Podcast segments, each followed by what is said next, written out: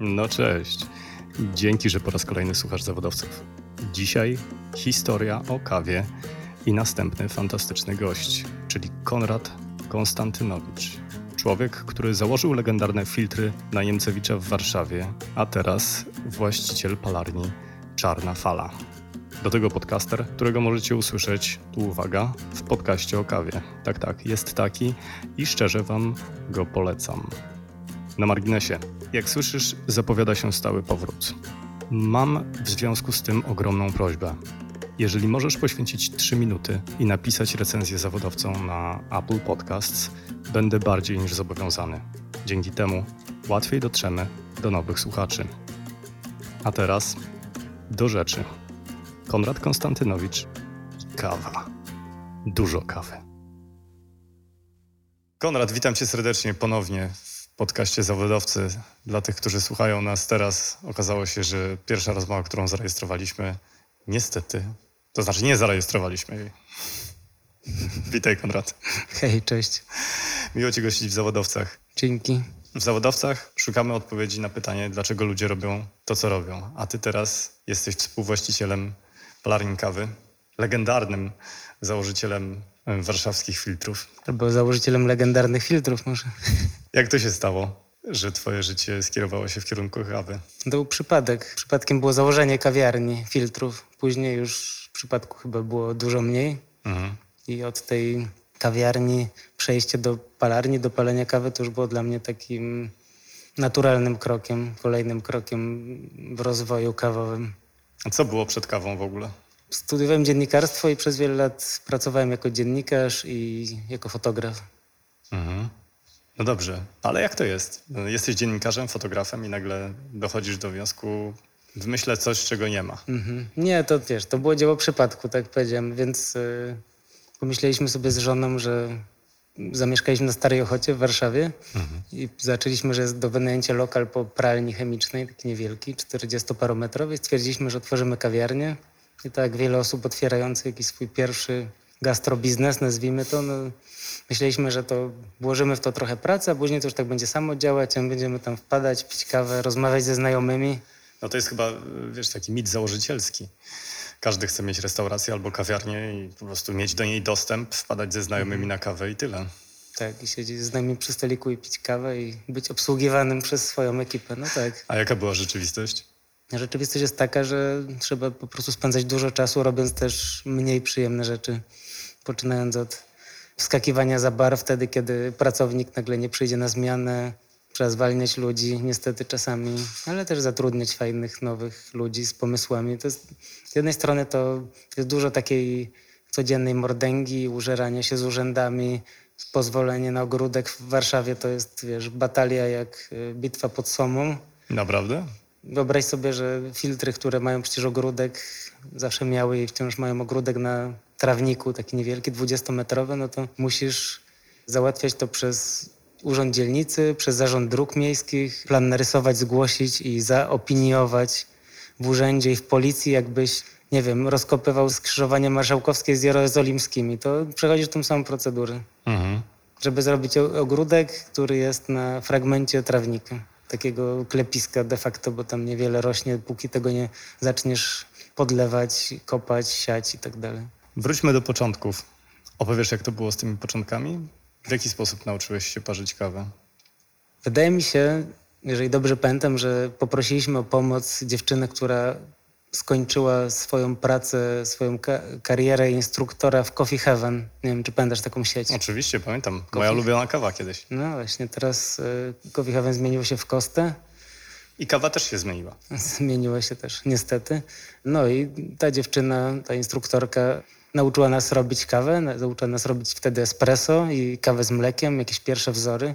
No bo to jeszcze były czasy, kiedy nie robiło się kaw przelewowych. Po paru latach dopiero pojawiły się te przelewy, które teraz znamy z większości kawiarni takich lepszych. No wtedy szczytem fajności było zrobienie cappuccino z serduszkiem, albo jak ktoś zrobił rozetę, to już był kosmos. Natomiast my od początku na przykład z czego jestem bardzo dumny. Mieliśmy kawę speciality. Na początku współpracowaliśmy z Javą. To była jedna z pierwszych, jeżeli nie pierwsza palarnia speciality w e, Polsce, którą założył Amerykanin i Szkot bodajże, dwóch wspólników, wciąż na rynku. I od początku mieliśmy kawę speciality. A opowiedz, czym tak naprawdę jest kawa speciality? Kawa speciality, no właśnie, czyli kawa wysokiej jakości, tak to po polsku się nazywa. To jest kawa, która z jednej strony powinna mieć odpowiednią ocenę nadaną tej kawie przez speców, którzy się fachowo nazywają Q-graderami, no czyli Q jak jakość, quality.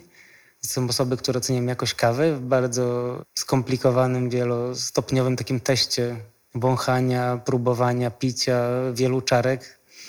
Ale kawa speciality to też kawa, która ma swoją historię. Wiesz skąd ta kawa jest, znasz jej e, producenta, czyli spółdzielnie w przypadku na przykład Etiopii czy Kenii, albo pojedynczego farmera, rolnika w przypadku zwykle krajów Ameryki Łacińskiej. Wiesz z jakiego szczepu ta kawa pochodzi, bo z kawą jest tak z winem, że kawa oprócz tego, że może być arabiką albo robustą, no to są też szczepy czy odmiany botaniczne, bo to tak fachowo się nazywa po polsku. Więc fajnie wiedzieć te wszystkie rzeczy. Wiesz, jak kawa została obrobiona, czyli coś, co w winie jest winifikacją, metodą przerobienia winogron na napój, na wino, no to w przypadku kawy jest podobnie. Z kawą jest tylko ta jedna różnica, że o ile wino czy wiele innych produktów, choćby alkoholi, jak już jesteśmy przy tym, czy jakieś mocniejsze alkoholi, robi się od początku do końca na miejscu zwykle, no to z kawą jest tak, że farmerzy, ci producenci, rolnicy kończą swoją przygodę z kawą na kawie zielonej, na wysuszonych ziarnach de facto owocu kawowca, które są takim zielono-szarym, suchym, twardym nasionkiem, pestką taką. I ta kawa dopiero trafia do palarni i to palarnie nadają jej taki ostateczny szlif. To nie jest tak jak z winem, że wszystko się robi w jednym miejscu, wlewane jest do butelki. Jest to skończony, zamknięty produkt. Kawa jest takim półproduktem zielona. I dopiero jak trafi do palarni, do nas czy do każdej innej palarni, no to jest zmieniana w to, jak ją znamy ze sklepów, z kawiarni. Mógłbyś opowiedzieć trochę o tym procesie? To znaczy o tym, e, wiesz, o tej ścieżce e, od, od owocu do filiżanki. do filiżanki? Na jakim poziomie? Trudnym, łatwym? Sześciolatka. Sześciolatka, dobrze. Albo no. dorosłego, który po prostu lubi pić kawę. Dobrze. To tak spróbuję prosto, ale to nie jest do końca proste. Nie jest to też oczywiście y, fizyka kwantowa, ale jest kilka etapów. Ale załóżmy, że nie jesteśmy teraz w mhm. podcaście o kawie, który zresztą tak prowadzisz z Pawłem Kwiatkowskim, tylko jesteśmy w zawodowcach. Będzie krótko i jak dla sześciolatka w takim razie spróbuję. No więc mamy plantacje. Niektóre z tych plantacji są naprawdę duże. Dzisiaj na przykład piłem kawę z Tanzanii i rano zaparzyłem sobie kawę z Tanzanii, która pochodzi z plantacji, która ma 400 hektarów, jest dużą plantacją, ale potrafią być plantacje, zwłaszcza takie, których właściciele, których osoby, które na nich uprawiają kawę są członkami spółdzielni, gdzie potrafią mieć na przykład pół hektara, hektar, dosłownie kilkadziesiąt, kilkanaście wręcz drzewek, z których zbierają worek, dwa worki kawy tylko. Więc trzeba zebrać tą kawę, trzeba zebrać tą kawę, która owoce kawowca w zasadzie, bo kawowiec to jest taki krzak duży. Trzeba zebrać dojrzałe owoce kawowca, które zwykle wyglądają jak dojrzałe czereśnie może, czyli są bordowe. I trzeba szybko zacząć z nimi działać, podobnie jak z winem. Nie może być tak, że się to gdzieś odkłada i żeby nie zaszły procesy, których byśmy nie chcieli. Czyli musimy szybko coś z tą kawą zrobić. Jedna metoda jest taka, że te owoce się rozkłada do suszenia. Inna metoda jest taka, że się zrywa mechanicznie z nich ten owoc i zostaje sama pestka, no bo te ziarenka kawy, które znamy, no to one mają ten kształt taki charakterystyczny. Z jednej strony płaski, z drugiej wypukły, bo ziarenka bo są dwa. Trochę jak pośladki wyglądają. Trochę tak, no bo one tak opierają się o siebie pleckami płaskimi, te ziarenka, a z, od zewnątrz mają takie wypukłe brzuszki. Mhm mój sześciolatku. No, więc masz te dwa ziarenka. Te ziarenka trzeba wysuszyć do odpowiedniej e, wilgotności, to jest tam 10-12%, żeby w czasie przechowywania i transportu ta kawa po prostu nie zgniła. No i te lepsze kawy, czyli kawy speciality są nie dość, że pakowane w taki jutowy worek, który znamy, taki szary jutowy worek z rysunkami czy napisami, które znamy ze zdjęć, czy gdzieś tam leżą w kawiarni, to w środku jest jeszcze trochę mniej romantyczny, ale ważniejszy worek zrobiony z grubego takiego plastiku dzięki któremu ta wilgotność y, kawy jest y, zachowana. Mhm. No i dzięki temu też do tej kawy nie przedostają się, nie wiem, cokolwiek się mogłoby dostać, nie wiem, spaliny, no, woda morska, czy cokolwiek, co mogłoby się na przykład do kontenera dostać, prawda? I podobnie jak przechowujemy tę kawę w magazynie w palarni, czy w magazynach importera, no to, to zapewnia, że ta kawa jest dużo bardziej stabilna i po wielu miesiącach od zbiorów wciąż jest dobra. I ta kawa trafia do magazynów importerów? Mhm. a potem do czarnej fali. Tak, no my kupujemy od importerów. Żeby kupować od plantatorów, trzeba by być większym, e, większą palarnią, większym graczem. Kupować na kontenery na przykład. Są producenci, którzy sprzedają też w mniejszych ilościach, no ale to jeżeli nie chcemy być takim turystą kawowym, który pojedzie gdzieś nie wiem, do Kenii czy do Etiopii, tam znajdzie jakąś plantację i kupi, nie wiem, paletę kawy, no to trzeba po prostu się na tym super dobrze znać. I są tacy ludzie, którzy się nazywają z angielska green coffee buyers, czyli kupcy zielonego ziarna, mhm. którzy mają rozkminione kraje. Duży importerzy mają w każdym kraju swojego green coffee buyera albo cały zespół tych, tych kupców, którzy po prostu jeżdżą po plantacjach, znają te plantacje, znają farmerów. Jeżeli się współpracuje z fajnymi importerami, no to oni też płacą tym farmerom po prostu dobre pieniądze tak teraz przez media się przetoczyła ta historia z tymi podwyżkami cen kawy. Kawa na giełdzie w Nowym Jorku, bo giełda nowojorska to jest giełda dla Arabik, tak jak w Londynie jest giełda dla Robust, to w Nowym ciekawe. Jorku są, sprzedaje się Arabiki. W zasadzie nie sprzedaje się kawę fizycznie, tylko sprzedaje się te takie kontrakty na przyszłe zakupy. Mhm. To był moment, że w ciągu tygodnia kawa zdrożała o kilkadziesiąt procent, 80 bodajże. O. Taka arabika z giełdy. No ale mhm. to nas nie dotyczy arabika z giełdy, bo my nie kupujemy arabiki z giełdy jakiejś takiej generycznej, że tak powiem, czyli my nie kupujemy... Ale to spekulacja, czy, czy z czego wynikała ta podwyżka? Podwyżka wynika chyba z obawy przed tym, co się wydarzyło w Brazylii, bo przyszły tam w bardzo złym momencie przymrozki i bardzo wiele, e, nie bardzo wiele, dużo plantacji było dotkniętych przymrozkami, więc e, w takim złym momencie się to wydarzyło, że wiele roślin po prostu przemarzło. Mhm. Mamy na przykład taką kawę de espresso z Brazylii, z plantacji, która się nazywa e, Fazenda Barinas. I dowiedzieliśmy się też od importera, bo współpracujemy z takim małym importerem, z dwoma takimi Brazylijczykami, którzy mieszkają na stałe w Polsce i sprowadzają kawę tylko z Brazylii Powiedzieli nam, że wstępnie wygląda na to, że nawet połowa zbiorów z tej, z tej, z tej plantacji może w tym roku, no nie będzie, będą o połowę mniejsze, bo dużo roślin bardzo przemarzło. A też trzeba wziąć pod uwagę, że kawa jest rośliną wieloletnią. Zwykle pierwsze zbiory masz dopiero po trzech latach, czasami nawet dłużej. Więc to nie będzie się dało tego tak szybko odbudować. Mhm. Wracając do procesu, ta kawa trafia do Polski, y, do importera, z którego ty kupujesz kawę tutaj mhm. do, do czarnej fali. Ja to bym powiedział nawet, że to jest trochę tak, że ci importerzy czasem wręcz nie sprowadzają tej kawy fizycznie w worach takich już dużych, tych takich, które się sprzedaje, tylko na początku sprowadzają próbki mhm. tej kawy. No i oni sami te próbki sprawdzają, czyli muszą wypalić małą porcję, no bo jedyna opcja sprawdzenia kawy to jest po prostu ją wypalić, wypalić na takich tak zwanych samplerach, czyli takich testowych małych piecykach, które są w stanie wypalić na przykład 50 gramów, 100 gramów kawy. Mhm. To są elektryczne oczywiście wtedy piece małe i próbuje się tych kaw, oni próbują i wysyłają swoim klientom. No jeżeli ci klienci stwierdzą, ok, bierzemy, ta kawa nam się podoba, no to wtedy mogą na przykład sprowadzić kontener tej kawy. Mhm. Część kawy sprowadzają w ciemno, są próbki na miejscu, czy w Gdyni, bo Gdynia to jest takim portem kawowym dla Polski, czy w Hamburgu, czy w Antwerpii. No, jest kilka takich e, hubów kawowych w Europie, gdzie importerzy mają swoje magazyny mhm. i przysyłają te próbki. Można zamówić zieloną próbkę, można zamówić i wypalić ją samemu, można prosić o wypaloną. No i cały tutaj teraz widz polega na tym, żeby spróbować zbudować sobie jakiś taki portfel tych kaw, nazwijmy to. Które są twoją wizytówką trochę. No, które są twoją wizytówką, które będą się jakoś uzupełniały. No bo ja na przykład osobiście, tak jak powiedziałem, lubię na przykład kawy z Kolumbii, lubię kawy z Gwatemali, ale też lubię na przykład pić takie bardzo owocowe, świeże. Tak dzisiaj przed nagraniem przygotowałem kawę z Rwandy. To ta kawa jednak była dosyć owocowa, prawda? Była taka soczysta. Tak. Nie wszyscy takie kawy lubią. Niektórzy lubią na przykład kawy z Brazylii, z Indonezji, czyli takie cięższe, bardziej ziemiste, czekoladowe kawy. Więc nie mam tylko swoich ulubionych kaw w ofercie, ale mam też, że wszystkie te kawy, które palimy, które sprzedajemy, są kawy, które mi smakują. Natomiast pewnie gdybym miał palić tylko dla siebie do domu, to bym nie palił dwóch kaw z Brazylii, kawę z Indonezji, skądś i skądś. Na przykład dziesięciu kaw, bym palił dwie tylko dla siebie. Poza tym po tylu latach chyba już wiesz, czego potrzebują Polacy i kawiarnie, z którymi współpracujesz. Nie wiem, chyba wciąż. Naprawdę? znaczy jest? trochę wiem, a trochę nie to, wiem. To, to, to, ty kreujesz modę na, na smaki, czy, czy ludzie?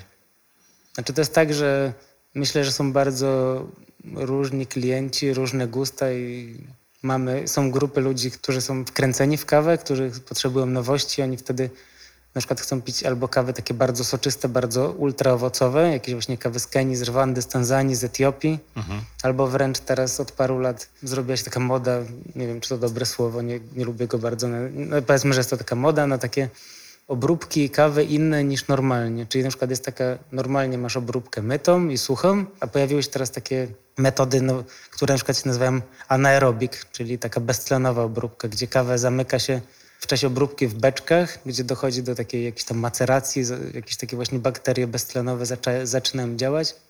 Czyli z kawy robi się trochę laboratorium. Tak, zdecydowanie. I bardzo dużo producentów z tym eksperymentuje. Teraz, ostatnią sobotę sędziowałem podczas Mistrzostw Polski w Aeropresie. Mhm. I tam wszyscy zawodnicy, bo na Aeropresie, na tych zawodach wszyscy parzą tą samą kawę.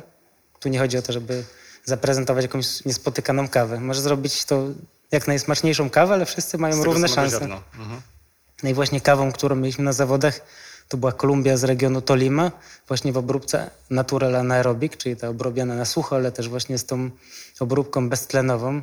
No, zwykle to jest kilkadziesiąt godzin właśnie zamknięta kawa w jakichś specjalnych beczkach z takimi rurkami jak do produkcji alkoholu. No i te kawy były naprawdę szalone. Tam był taki ferment, tam było dużo takiego umami, jak zupa miso, jak ser pleśniowy, jak spleśnia, nie wiem, spleśniałe może nie, ale takie przejrzałe wręcz owoce.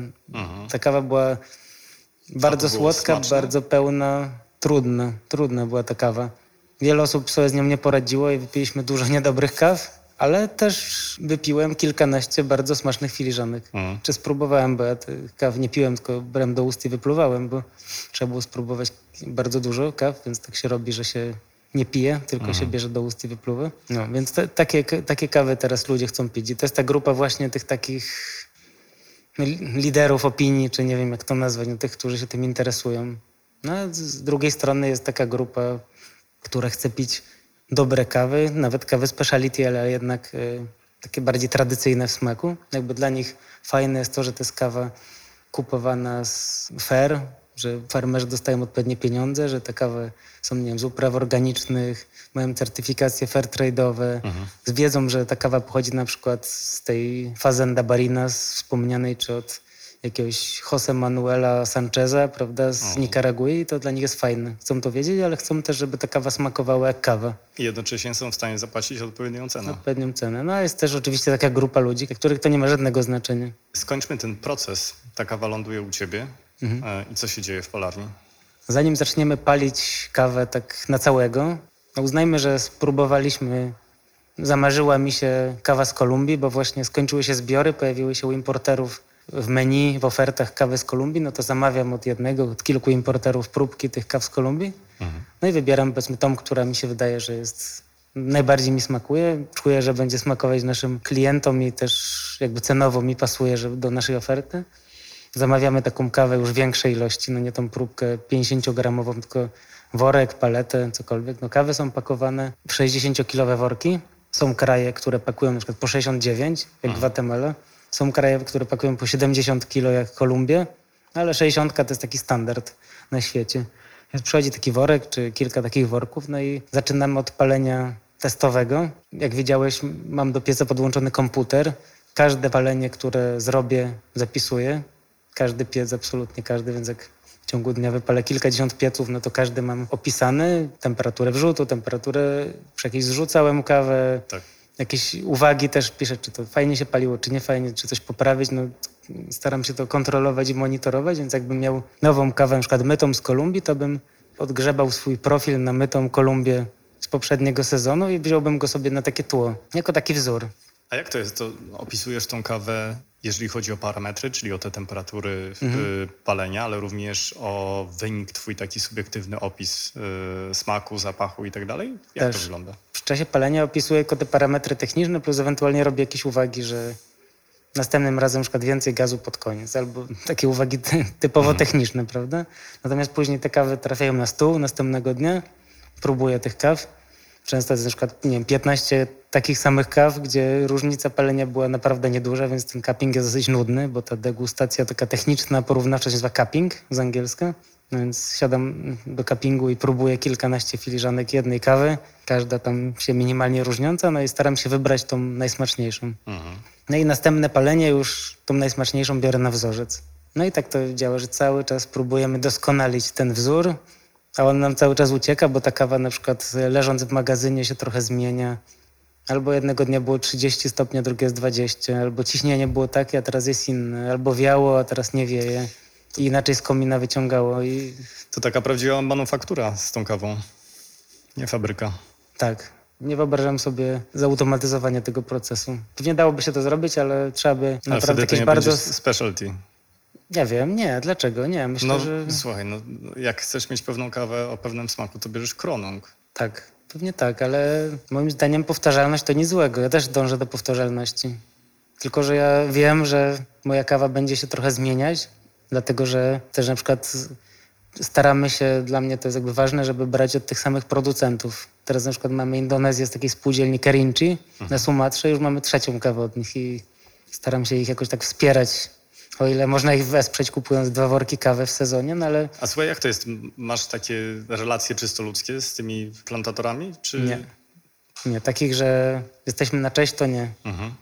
No zdarzyło mi się tam z kimś na przykład wymienić przez internet na Instagramie czy coś parę zdań. Ostatnio zrobiliśmy z browarem Funky Fluid piwo, które było z kawą i kolega, który tą kawę sprowadzał e, z Gwatemali, leciał znowu na plantację, na tą samą plantację i daliśmy mu puszkę tego piwa i zawiózł ją temu producentowi. Mhm. Jak I- wrażenia? No i producent właśnie o imieniu Jose, on właśnie przysłał nam zdjęcie Jose z puszką i, i dał mu tego piwa do spróbowania. Nie wiem, jak mu smakowało. To było też trudne piwo, bo to było takie, to był breakfast stout z kawą, czyli takie bardzo ciężkie piwo z dodatkiem płatków owsianych, z goryczą, bardzo też mocne, bo 9%. No wiesz, to nie było piwo dla kogoś, kto jest przyzwyczajony do lagerów. Mhm. Nie napisał mi, czemu smakowało, czy nie. A jak patrzysz, jak zmieniają się gusta Polaków na przestrzeni tych lat, Mhm. to jak to wygląda? Mówiłeś, że e, zaczynałeś od, od cappuccino z rozetką. Mhm. No na pewno jest tak, że coraz więcej ludzi pije czarne kawy. W kawiarniach speciality to myślę, że są kawiarnie. Widziałem badania, które zrobił kolega, który prowadził kiedyś kawiarnię na Starych Bielanach, czytelnie. I po pierwsze wyszło mu, że dużo osób bardzo pije kawy czarne, a kawy mleczne to chyba 70 parę procent, nie chcę się pomylić, ale to była duża, przytłaczająca większość to były kawy zrobione na mleku roślinnym. Mhm. Hmm? Moda się zmienia. Moda się zmienia. No, też mleka roślinne, tak zwane mleka roślinne, te napoje roślinne są coraz lepsze. Po prostu są takie wersje dla baristów, które się fajnie spieniają, które świetnie smakują. Jest takie mleko na przykład zrobione z y, groszku żółtego, no wspaniałe, roślinne. Bardzo smaczne. Moja żona czasem jak pije właśnie kawę mleczną, no to bierze na przykład flat white'a na tym groszkowym mleku, no to świetne. A gdzie można taką kawę kupić? Wszystkie kawiarnie speciality mają kawę z mlekiem roślinnym. To jest rzecz absolutnie pewna. Nawet na Orlenie ostatnio widziałem, były dwa automaty i na jednym była naklejka, w tym ekspresie tylko mleko owsiane. O, ciekawe. Wyobrażasz sobie? E, No a jak to jest? Gość, który e, przepalił już tyle kaw, e, zrobił pewnie, nie wiem, dziesiątki tysięcy kaw dla, dla swoich klientów. Masz swoją kawę, którą pamiętasz przez 10 albo więcej lat? O dziwo, mimo że piję głównie kawy przelewowe, to najlepiej pamiętam espresso jednak. Pamiętam takiego, jak to mówią ludzie, bariści czy ludzie w ogóle z branży kawowej, pamiętam takiego gotshota, czyli taki boski strzał. To było, myślę, 5-6 lat temu w Atenach. Kawiarnia i palarnia Tailor Made.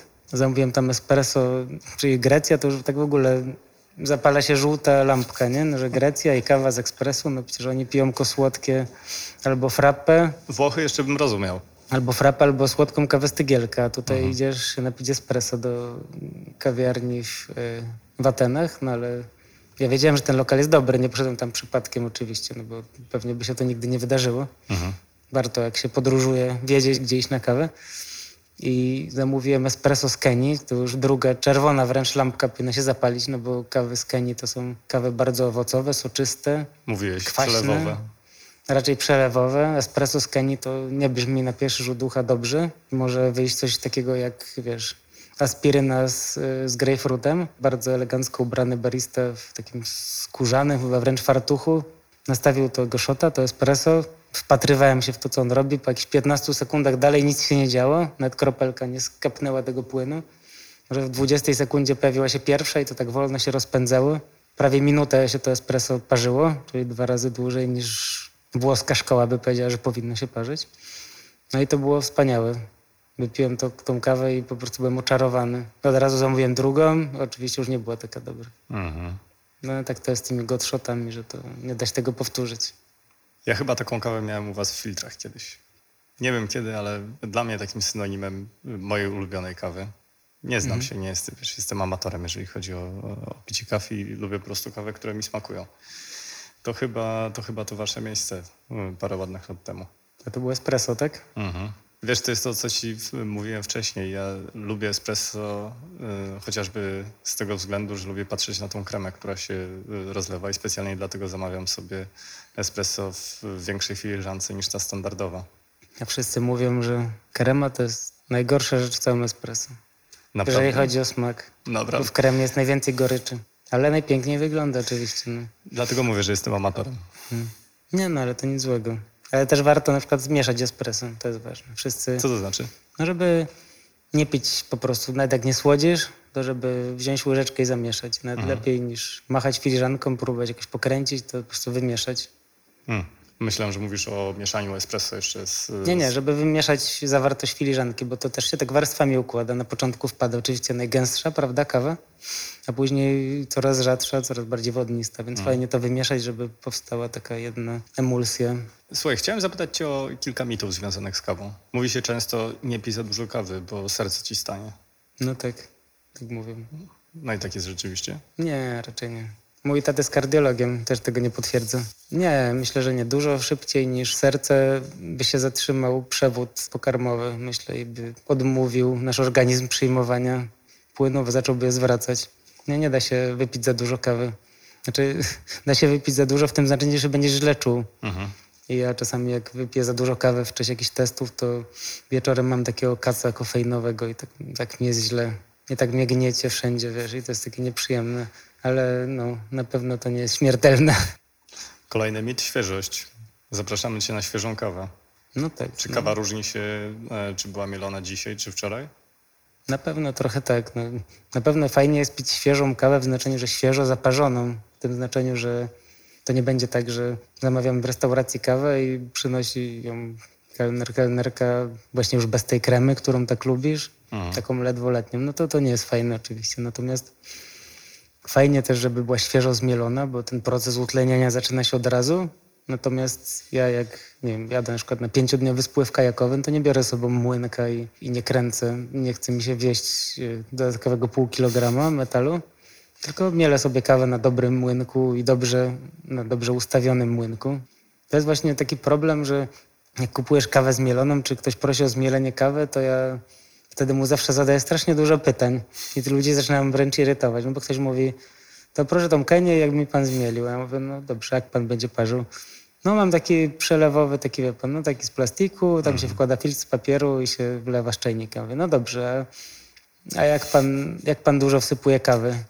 No bo wiesz, jak sypujesz mało, no to czas mieli drobnie. Jak tak. dużo, no i ktoś mówi, no co, no, no jeden kubek. Ja mówię, no dobra, czyli raczej tak mało, nie pół litra. No nie, raczej ćwierć litra. No to co, mhm. pewnie pan wsypuje 15 gramów. Nie, no nie wiem. I wiesz, i dochodzi do rozmowy i nie zawsze się udaje znaleźć. To moment, ja czuję, że mogłem komuś źle zmielić kawę, bo to jest naprawdę, jest jakby metod, znaczy grubości mielenia, wiesz, no każda metoda wymaga innego mielenia chcesz zaparzyć kawę w kafetierce, mielisz bardzo drobny. Jak się na tym znasz już? Jak, no, jak chcesz zaparzyć ją w takim ekspresie przelewowym, że ręką zalewasz czajnika, tak. mielisz grubiej. Jak chcesz wrzucić kawę do takiego ekspresu na guzik, że wlewasz do dzbanka litr wody, wkładasz papierowy filtr, wciskasz guzik i do dzbanka ci się robi litr kawy, no to trzeba mieć jeszcze grubiej. Mhm. Jak robisz we French Pressie, czyli w tym takim, co jest taki tłoczek jak z Ikei, jeszcze grubiej. Byłem w szoku, jak to zobaczyłem po raz pierwszy. French press? Tak. No to taka stara metoda. Nie wiedziałem, o co chodzi autentycznie. Ja myślałem, że najstarszą metodą są, wiesz, te zaparzarki takie na, na gaz. Na gaz. No ja myślę, że obie te metody są dosyć stare. Ja bym pewnie, znaczy, rozumiem, że French press się nazywa French, bo być może z Francji, natomiast ta metoda mi się jednak kojarzy z, taką, z takim skandynawskim piciem, że jednak takich dużych ilości czarnej kawy Mhm. Takiej trochę właśnie przez ten French press on tak nie do końca tą kawę przecedza i ci wpadają takie drobinki w zęby tej kawy. Nie? A słuchaj, a jest w ogóle coś takiego jak taki, nie wiem, e, kawowy savoir vivre, albo jakbyś miał powiedzieć komuś, że gdybyśmy mieli zrobić taki odcinek pod hasłem ABC picia kawy. Na co mm. warto zwrócić uwagę, jak chcesz poznać smaki różne? Okej, okay. oj, oj. To poczekaj, teraz skończyć jeszcze tylko tak już szybko z tą świeżością kawy. -hmm. Więc warto mielić świeżo, natomiast nie uważam, żeby to było coś, co wiesz, trzydniowa, dobrej jakości trzydniowa kawa, mm. piłbym ją chętnie. Pewnie nawet chętniej niż, nie wiem, świeżo otwarty słoiczek rozpuszczalny. Natomiast też wiele osób, mnie to szczególnie spotyka często, no bo pracuję w palarni, mówi, że super, że kupiło sobie kawę. Ja mówię, ale proszę uważać, bo ta kawa jest dzisiaj wypalona i zapakowana, jest super świeża. Ktoś mówi, o super, to świetnie, właśnie takie lubię najbardziej. Zaparzę sobie, jak wrócę do domu. Mówię, nie, nie, nie, no hola. proszę tej kawy nie parzyć przez najbliższe 10 dni. Mhm. A wtedy ktoś patrzy, uuu, naprawdę? No i próbuję wytłumaczyć, że zwłaszcza kawę do espresso nie warto parzyć świeżo, bo ta kawa jest jeszcze nieodgazowana. Dużo tego dwutlenku węgla, który był w ziarenkach, wciąż się z niej wydostaje. Ta kawa będzie dzika, będzie szorstka, mhm. może mieć za dużo goryczy, więc dajmy jej czas. Ja bym, jeżeli ktoś jest cierpliwy, no to dwa tygodnie, jak ktoś jest niecierpliwy, no to nie wiem, choćby ze trzy dni, pięć, no nie wiem, im więcej, tym lepiej. Jeżeli ktoś naprawdę chciałby pić taką super świeżą kawę, to bym radził ją zmielić i zostawić na przykład na pół godziny zmieloną i dopiero wtedy zaparzyć. Mhm. Kawy przelewowe można pić szybciej, ale espresso naprawdę wymaga leżenia. Mhm. Kiedyś y, w branży kawowej był znany taki pan o nazwisku Dominiczek, który palił kawę dla takich cukierni Sowa. Mhm. Nie wiem, czy one jeszcze istnieją. Istnieją. Istnieją, no. I pan Dominiczek twierdził, że 6 tygodni. O. Po 6 tygodni jest dobre espresso. I nasz, y, u nas w kawiarni w filtrach właśnie w pewnym momencie wprowadziliśmy Dominiczaka jako miarę czasu. Ktoś mówi na przykład, o ta kawa ma pół Dominiczaka, bo na przykład ma 3 tygodnie odpalenia. Mhm. Więc warto poczekać. A wracając do savoir vivre kawowego, ale co masz na myśli? Żeby nie wystawiać paluszka? Nie, pewnie o to ci chodzi. Bardziej to... Słuchaj, chodzi o takie podstawy. Jak poznać, czy kawa jest dobra? Mhm. Czy można y, poznać, że kawa no jest pewnie. dobra? Czy jednym kryterium jest to, czy kawa mi smakuje, czy nie? Gdzie warto pójść, żeby spróbować, mhm. jak smakują różne kawy? Bo wydaje mi się, że większość ludzi wie tylko, że jest arabika i robusta, tak? No tak, ale sobie nie zdają sprawy pewnie wszyscy. Zresztą, słuchaj, ja mhm. wydawało mi się, że są dwa gatunki kaw y, przez, przez wiele lat. No, tych gatunków Mało dużo, tego, dużo ja, więcej, ja, wiesz, 50. Ja, no tak, no słuchaj, ja byłem zdziwiony w, w, momencie, kiedy kiedyś usłyszałem, że kawę się pali, tak? No to było mhm. jeszcze lata temu, no, byłem pewnie nastolatkiem, ale mhm. wiesz, takich rzeczy się nie uczy. No tak. Myślę, że są ludzie, którym wystarczy, że wiedzą, że któraś kawa im smakuje i będą ją pić całe życie, tak jak wspomniany twój przez ciebie Jakob Skronung i moja babcia go pije odkąd pamiętam. Moja babcia tak samo. No właśnie, no i... Kawa i papierosy Jima Jarmusza. Jakob Skronung i Malboro. No, no to pewnie tak, no ale jak chcielibyśmy żeby to było bardziej znaczące, to nasze picie kawy, żeby to nie było po prostu właśnie picie kawy. Niedawno rozmawialiśmy z Pawłem w podcaście z panią z Biedronki. Ona śmiesznie to nazwała, czyli ciekawie to nazwała, bo powiedziała, nie chciała mówić o markach i powiedziała, że w sklepie się rzuca ludziom w oczy zielona plama i żółta plama. Zielona plama to właśnie Jakob tak, Skrono, a żółta Chibo Family. Family. No. no i tak właśnie, że niektórzy tylko te plamy kupują w sklepie, mhm. a są tacy, którzy chcieliby coś więcej. I mi się wydaje, że warto po pierwsze chodzić do kawiarni jednak speciality, czy do kawiarni, mimo że to nie jest tanie zawsze i nie zawsze po drodze. Po drugie, warto kupować bardziej, bardziej świadomie kawę. Z etykiety kawy można bardzo dużo wyczytać, tak jak z etykiety wina. Ja to porównuję często te dwa napoje, jakże różne, bo podobne się trochę wytworzyły takie kultury, że są tacy, którzy po prostu kupią jakieś wino na stacji benzynowej, jakieś Carlo Rossi, czy takie po prostu, wiesz, kupasz jakiś win z danego regionu, czy z danego kraju. No są tacy, którzy będą oglądać etykiety i będą chcieli kupić swój ulubiony szczep, swój ulubiony region. Może lubią na przykład wina, które leżały pół roku w dębowej berce, może mm. lubią świeże, mineralne wina z Austrii. No i to wiesz, z kawą jest tak samo. I jeżeli chcielibyśmy być tak fair wobec choćby tych ludzi, którzy tą kawę uprawiają, no to warto właśnie kupować takie nieanonimowe kawy, na których nic nie jest napisane. Jest napisane, że to jest kawa na przykład pójdziesz do sklepu i spojrzysz na tą żółtą czy zieloną plamę, tam będzie pewnie napisane, że to jest mieszanka arabik z Ameryki Łacińskiej tak. i Afryki. No i to wszystko, co wiesz. Jak pójdziesz do sklepu czy w internecie zajrzysz kawę speciality, no to będzie napisane, że, że to jest kawa na przykład z Tanzanii, plantacja się nazywa Lungi Estate, region Karatu, szczep Kent, wysokość uprawy 1800 metrów, obróbka myta, zbiór 2020-2021 i wypalona w tym dniu, przez tego i w tym miejscu. No i masz komplet danych. Wiesz, że ta kawa wyszła z czyichś rąk. To nie jest mieszanka jakichś po prostu najtaniej kupionych ziaren z różnych krajów.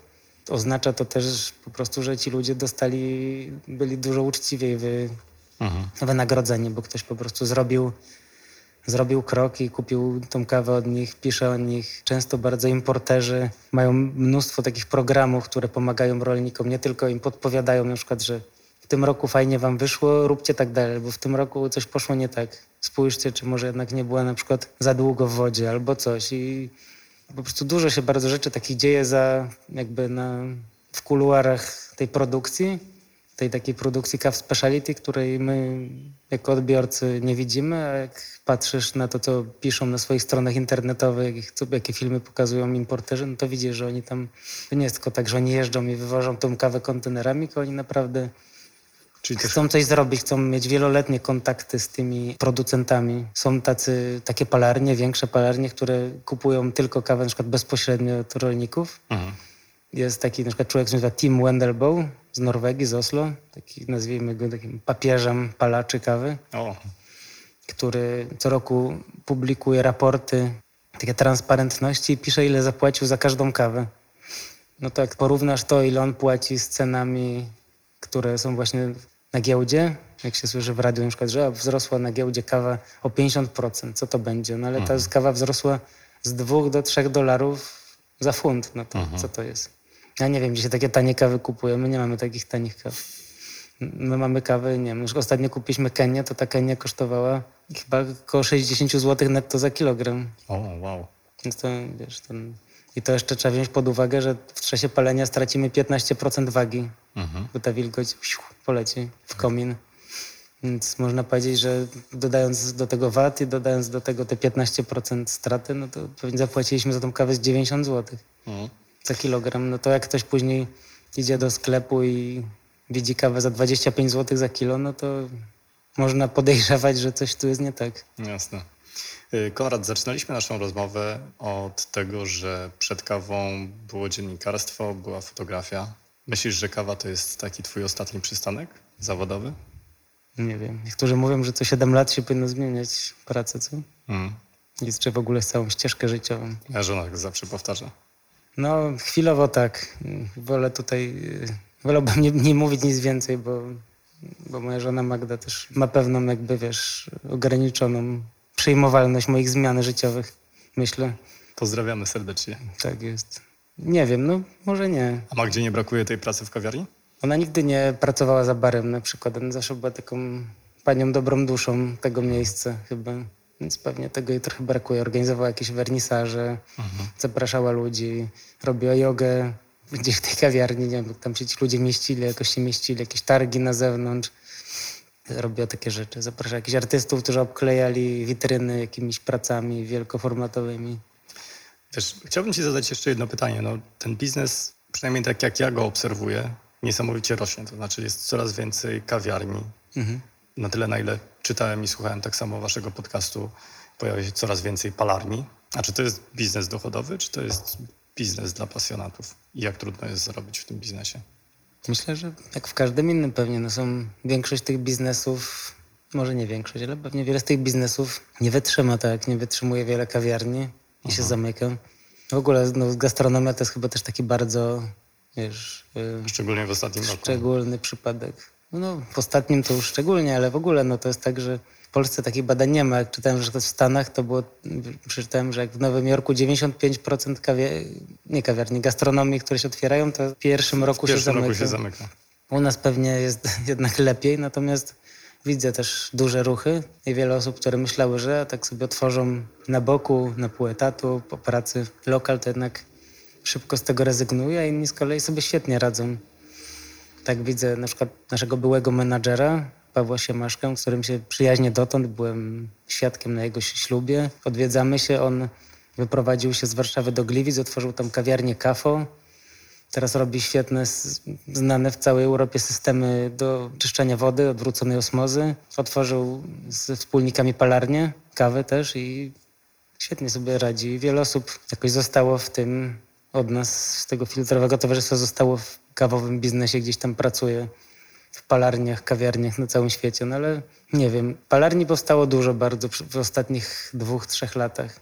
Tak jak myślę, trzy lata temu to znałem wszystkie palarnie i wszystkich palaczy pewnie w Polsce, to teraz nie znam pewnie nawet połowy z Warszawy. Mhm. Bardzo się to szybko rozwija, tak jak trochę jak pewnie jak browary rzemieślnicze parę lat temu, to to jest taka trochę podobna droga. No tutaj jakby ten poziom wejścia jest dosyć niski. Nie trzeba dużo pieniędzy wydać, żeby otworzyć palarnię, no bo już można powiedzieć, że kupujesz piec za kilkadziesiąt tysięcy, wynajmujesz jakąś szopę, trochę jakiś młynek, trochę paczek gdzieś kupisz w jakimś sklepie, tam tysiąc sztuk paczek i można zaczynać. Dobry marketing. Natomiast no, to oczywiście tak nie jest, bo sama kawa kosztuje mnóstwo pieniędzy. No, worek takiej taniej kawy będzie kosztował cię 2000, worek Mhm. dobrej cię będzie kosztował 10 tysięcy i No właśnie szybko sobie przeliczyłem, jak powiedziałeś o tych yy, 60 zł za kilogram. Razy 60. no, są, są też droższe kawy Mhm. oczywiście. No, są też tańsze, no to, to jest takie trochę ekstremum. Czyli no, co? używamy też oczywiście tańszej kawy. Czyli co, pasja, ciężka praca i uczciwość chyba w tym biznesie. Pewnie jak w każdym. Jak w No to każdym.